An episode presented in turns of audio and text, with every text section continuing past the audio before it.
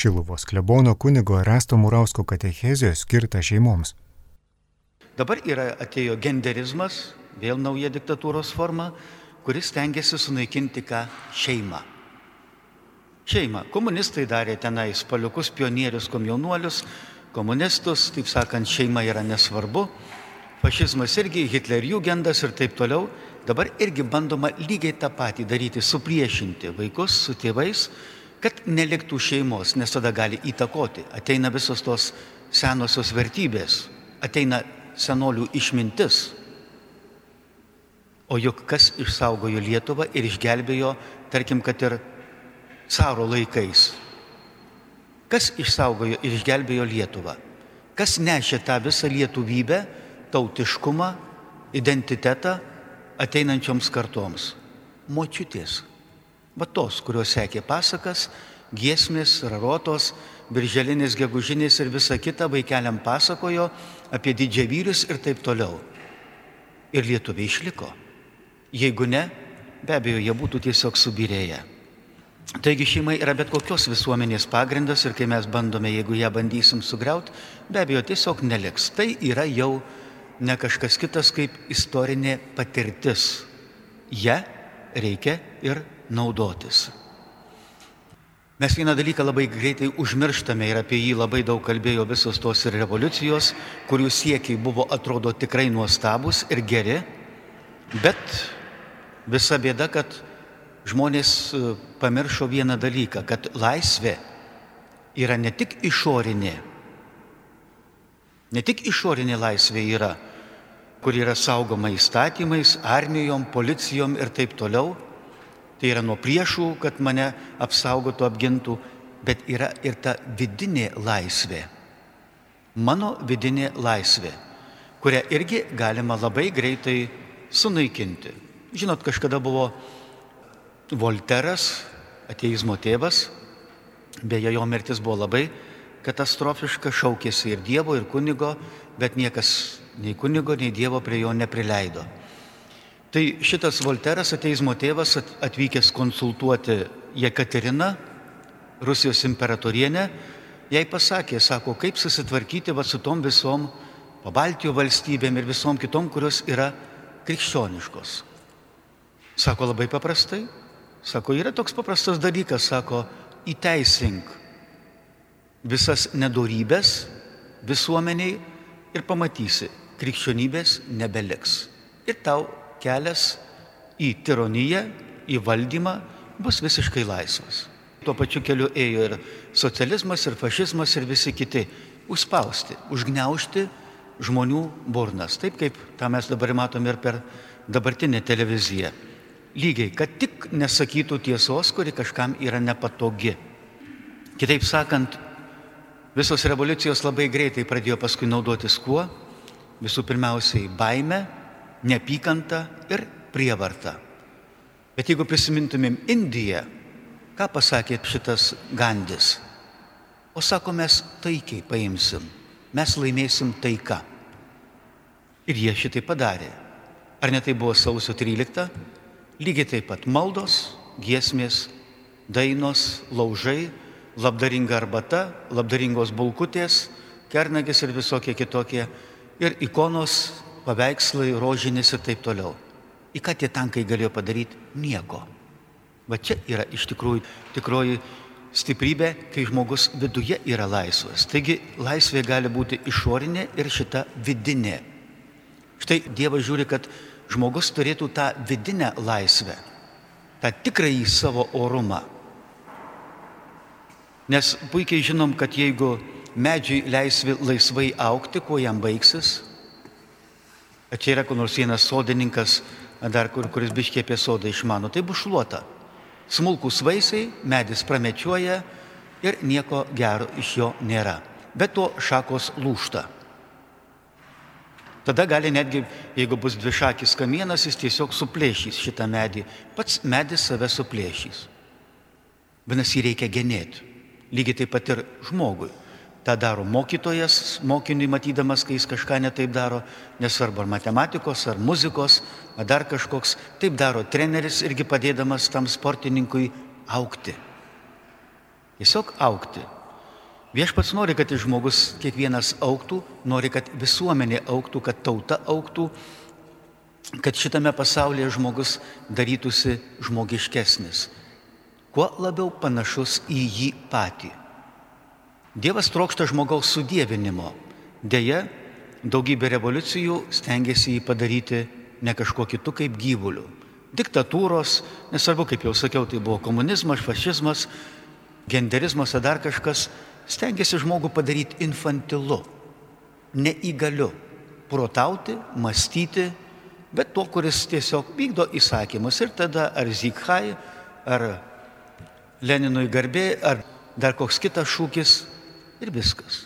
Kad tik žmogus būtų, kaip mes sakom, minežmogis, mankurtas ar dar kokia nors kitokia žmogaus forma. A Dievas nori, kad tu išliktum žmogumi. Kad tu išliktum žmogumi. Ir todėl laisvė tai bus visų pirmiausiai gebėjimas mylėti kitą, dovanoti save, taip netgi plečiant save, orome, taip kaip sako psalmės, padaryk mane viešpatie didžią dvasį, kad man nebūtų svetima kažkieno kito kančia, kažkieno kito problema, kažkieno kito baime, nepriteklius ir taip toliau. Taigi laisvė tai bus negebėjimas primesti savo nuomonę, savo norą kitam žmogui, bet visų pirmiausiai dovanoti save kaip pavyzdį. Ir Jėzus sako, aš jūs atėjau padaryti laisvus. Dievas tampa žmogumi, kad žmogus jo nebijotų, kad galėtų pasitikėti, kad galėtų matyti, kaip Dievas, pats būdamas žmogaus, kailyje, kaip jeigu būtų galima taip išsireikšti, kaip jis elgesi, kokius jis sprendimus priima, kesdamas tą pačią kančią, kaip ir kiekvienas iš mūsų. Ir mes matom šventame rašte Jėzus ir, ir bijo, ir verkia, ir stalus varto, ir, ir šala, ir išduotas, ir visa kita, tai ką mes savo kasdienybėje susitinkame.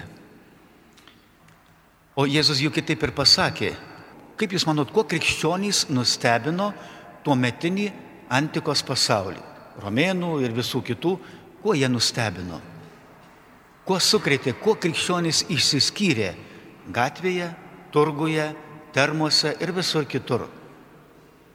Kodėl žmonės juos pastebėjo ir sakė, žiūrėkit, kas čia dabar? Kaip taip gali būti, nu, šitaip niekad nėra buvę, kas čia tokie? Ir jiems sakė, tai yra krikščionys. O Jėzus atėjo ir pasakė, sako, visi esate broliai ir seserys. Nebėra nei kilmingo, nei vergo, nėra nei vyro, nei moters, nėra nei graiko, nei skito, nei žydo, nei dar kažkokio kito. Visi jūs esat Dievo vaikai. Be abejo, kad žmogui tai ateitų, taip sakant, į jo širdį, ateitų į įstatymus, dar prireikė 19 amžių, kol pagaliau vergyje bent jau buvo panaikinta. Mes šventame rašte ir sutinkame, matome, kaip iš tiesų tie kilmingieji su vergais bendraudavo kaip su savo broliais, dalindavosi. Vergė turėtų tiesiog dinkti nuo pasaulio veido. Jau tada turėjo krikščionybė, bet puikiai žinom, kad krikščionybė buvo neapkenčiama, persikėjama, taip ir bus. Yra, buvo ir bus. Nesvarbu, ar tai bus komunizmas, bažnyčia sunaikinti, ar fašizmas bažnyčia sunaikinti, ar dabar genderizmas bažnyčia sunaikinti, nes tai yra Dievo saugiklis. Tai Dievo mums įstatyti stabdžiai, kad nenulėktumėm nuo kalno. Tai Dievo mums įstatyta visuomeniai nutekėjimo relė, kad neperdegtų viskas, kad nesudegintumėm patys savęs. Štai dėl to Dievas trokšta, kad žmogus būtų laisvas ir jis padarė viską. Jis atėjo ir sako, aš noriu tave padaryti laisvu, bet ar, ar tu priimsi? Ar tu pats nori iš tiesų būti laisvas?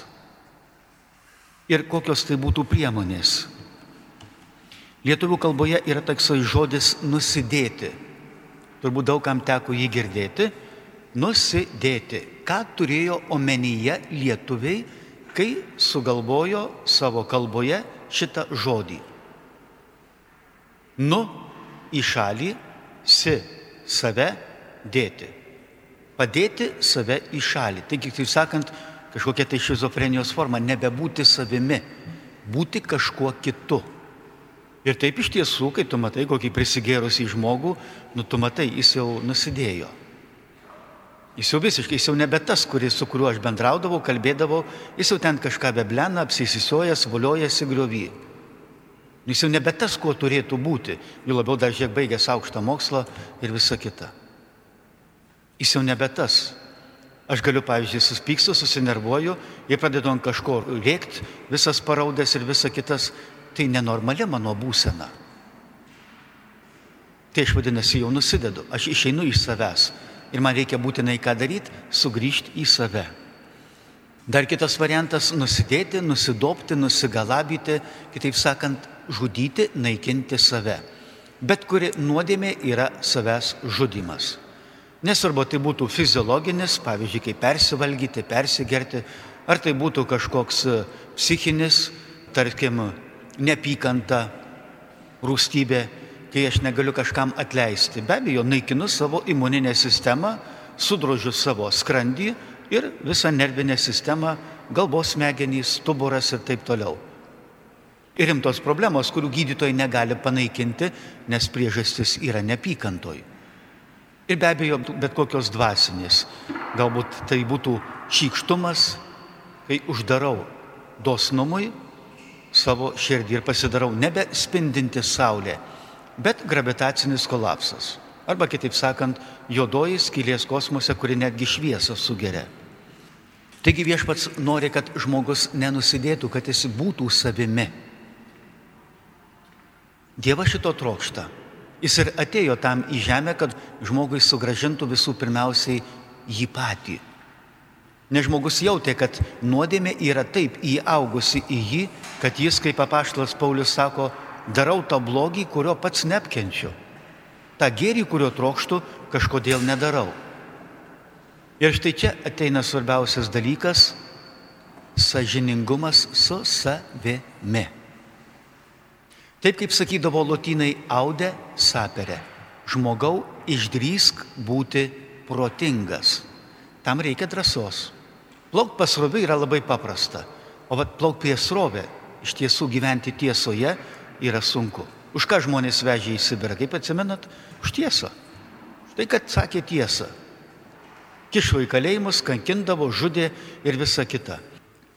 Tiesa, o Jėzus sako, jis sako, persekiojo mane, persekios ir jūs. Persekiojo tiesą, teisingumą, gailestingumą, meilę, persekios ir jūs, jeigu tik jūs šituos dalykus įsileisit į savo gyvenimą. Ir štai, kaip jau sakiau, šita tiesa yra ne kažkas kitas kaip išpažintis. Lietuvių kalboje išpažinti tai reiškia pažinti save ir išsakyti. Kai nueinu pas gydytoją, ką darau?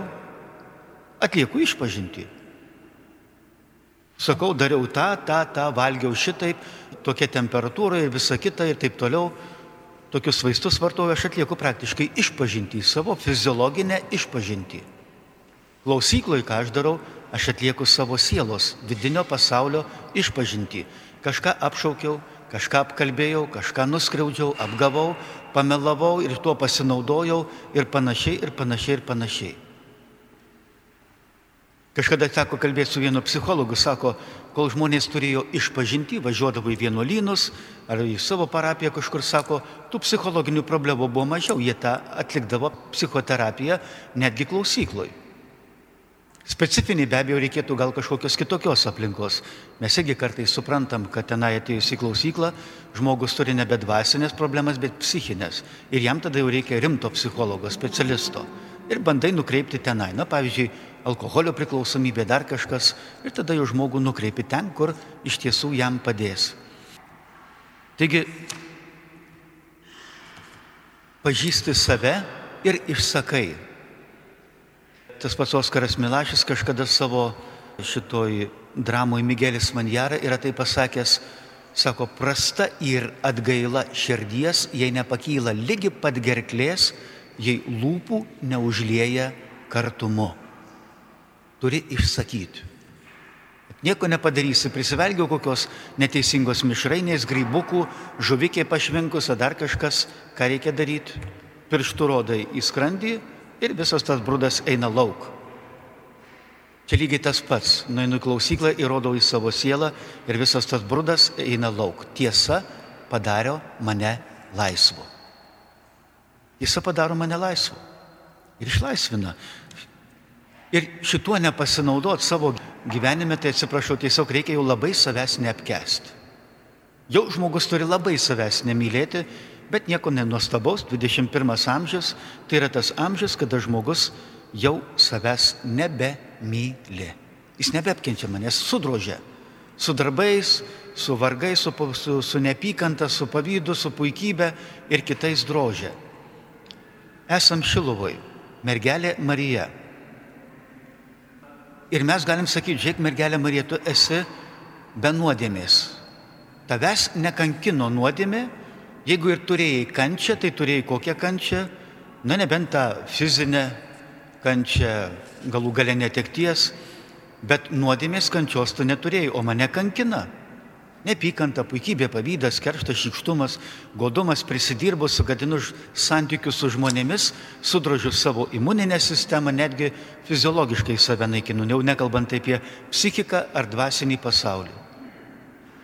Bet Marija sako, tai palauk žmogau, bet tai Dievas tam ir atėjo, kad tu šitos kančios kuri ateina su nuodėme, jos neturėtum.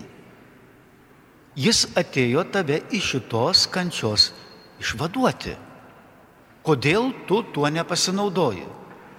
Naudokis atgailą, naudokis išpažintimi ir tu 50 mažiausiai procentų savo gyvenimo kančių jų nebėra. Nu tai ar neapsimoka, jo labiau, kad tai yra uždyka. Nu, nepasinaudoti, sakau, tikrai jau reikia labai savęs neapkesti. Taigi atgaila yra ne kažkas kitas kaip gailestis, kuris man padeda sugrįžti į save, save sugražinti vėl į tą pirminę padėtį. Tai būtų galima, taip sakant, kai tas pats čia ateina ir tas žodis atsivertimas, versti save sugrįžti atgal. Netaip jau lengva eiti pas gydytoją pas stomatologą ar dar kažkur operaciją daryti, kokiem masažam tenai, dar kažkokiem, kurie būna kartais skausmingi, bet tu eini, nežinai, kad paskui bus geriau. Einu iš pažinties, žinau, kad man bus geriau. Važiuoju į vienuolyną pas savo dvasios tėvą pokalbio, sunku prisiversti ir nepatogu bus, bet einu ir sakau. Einu pas gydytoją, a jis sako, nusirenk plikai. Nu į ką darysi, nu nusirengiu. Nes veikia, jam tai neįdomu. Jis kaip specialistas žiūri, ką reikia remontuoti. Nuvarau savo automobilį į atsivertimo ir atgailos įstaigą, kuri vadinasi autoservisą. Va, nuvarau autoservisą ir jam, ką daro, sugražina kiek įmanoma pirminę gamyklinę būseną, kad jis kuo geriau veiktų. Atsivertimas ir atgaila būtent tie dalykai ir yra.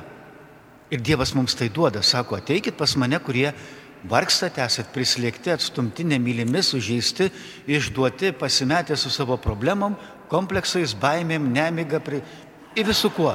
Ateikit, aš jūs atgaivinsiu. Vėl gyvumas sugrįž atgal, vėl tu galėsi gyventi, vėl galėsi šypsotis, vėl galėsi džiaugti, vėl pajėgsi apkabinti, priimti kitą žmogų, suprasti, mylėti, dovanot save ir tau tai bus džiaugsmas.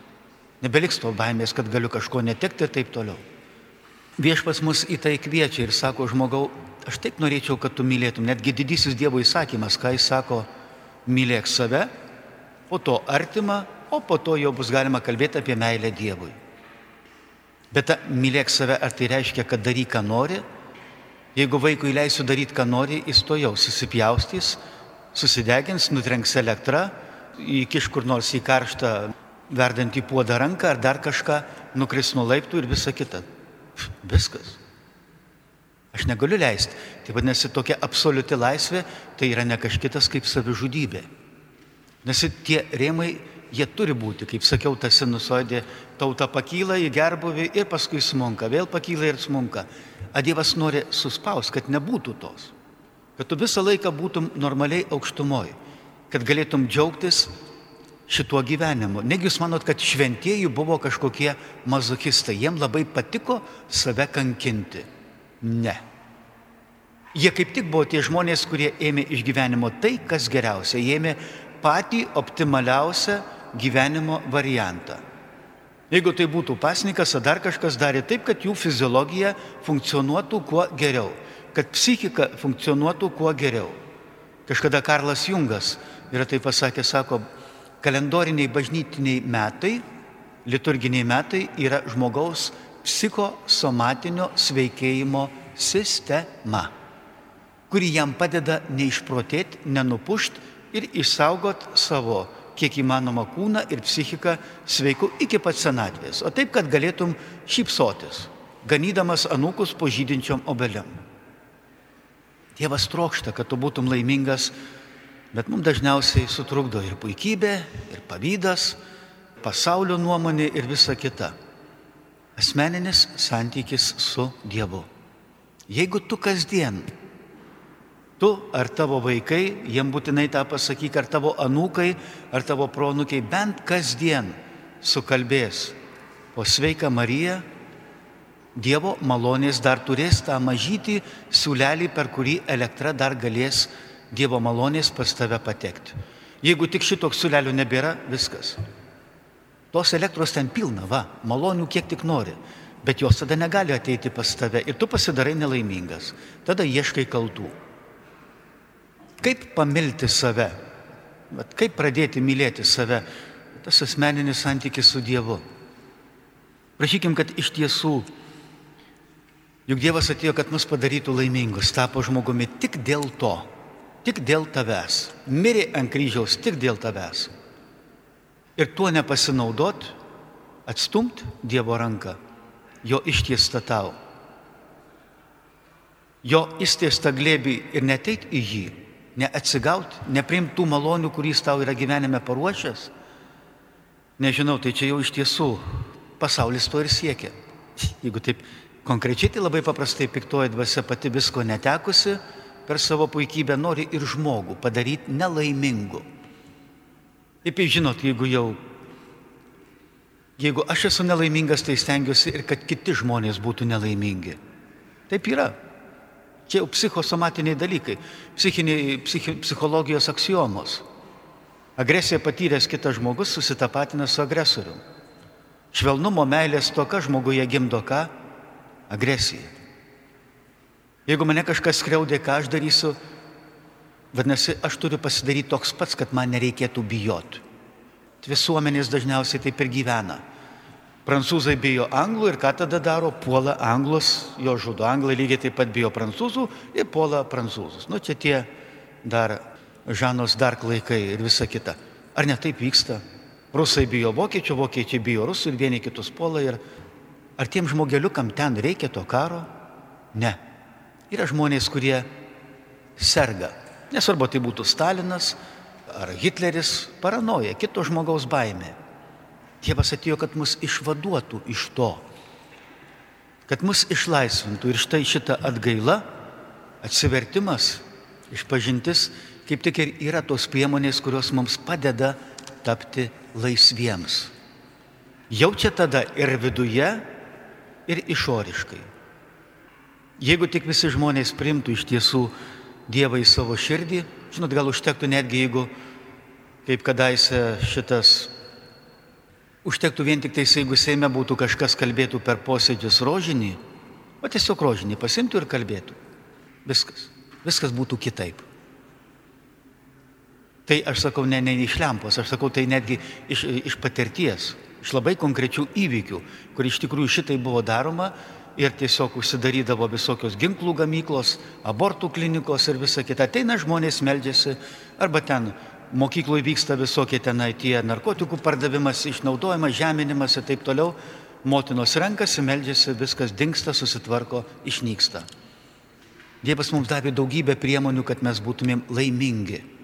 Nieko nepadarysi, aš irgi turiu du vaistukus kasdien gerti. Ar aš darau iš to problemą? Nedarau. Tiesiog man gydytojas prirašė, sako, tavo organizmas jau nebegamina kažkokių cheminių junginių, tu juos turi kasdien vartoti. Ir aš juos vartoju. Lygiai taip pat ir mums Dievas davė ir išpažinti, ir atgailą tam, kad tu galėtum atstatyti. Juk ir į mašiną galų galę reikia ir kurą užpilti, reikia užpirkti ir tepalus, ir aušinimo skystį, ir visą kitą. Turi šitą papildyti. Prašykim, kad nenuviltumėm patys savęs, kad iš tiesų išdrįstumėm būti protingi ir pasinaudotumėm tą laisvę, kurią mums Jėzus atnešė savo kančia, mirtimi ir prisikėlimu. Amen. Girdėjote Šiluvos klebono kunigo Erasto Murausko katechezę skirtą šeimoms.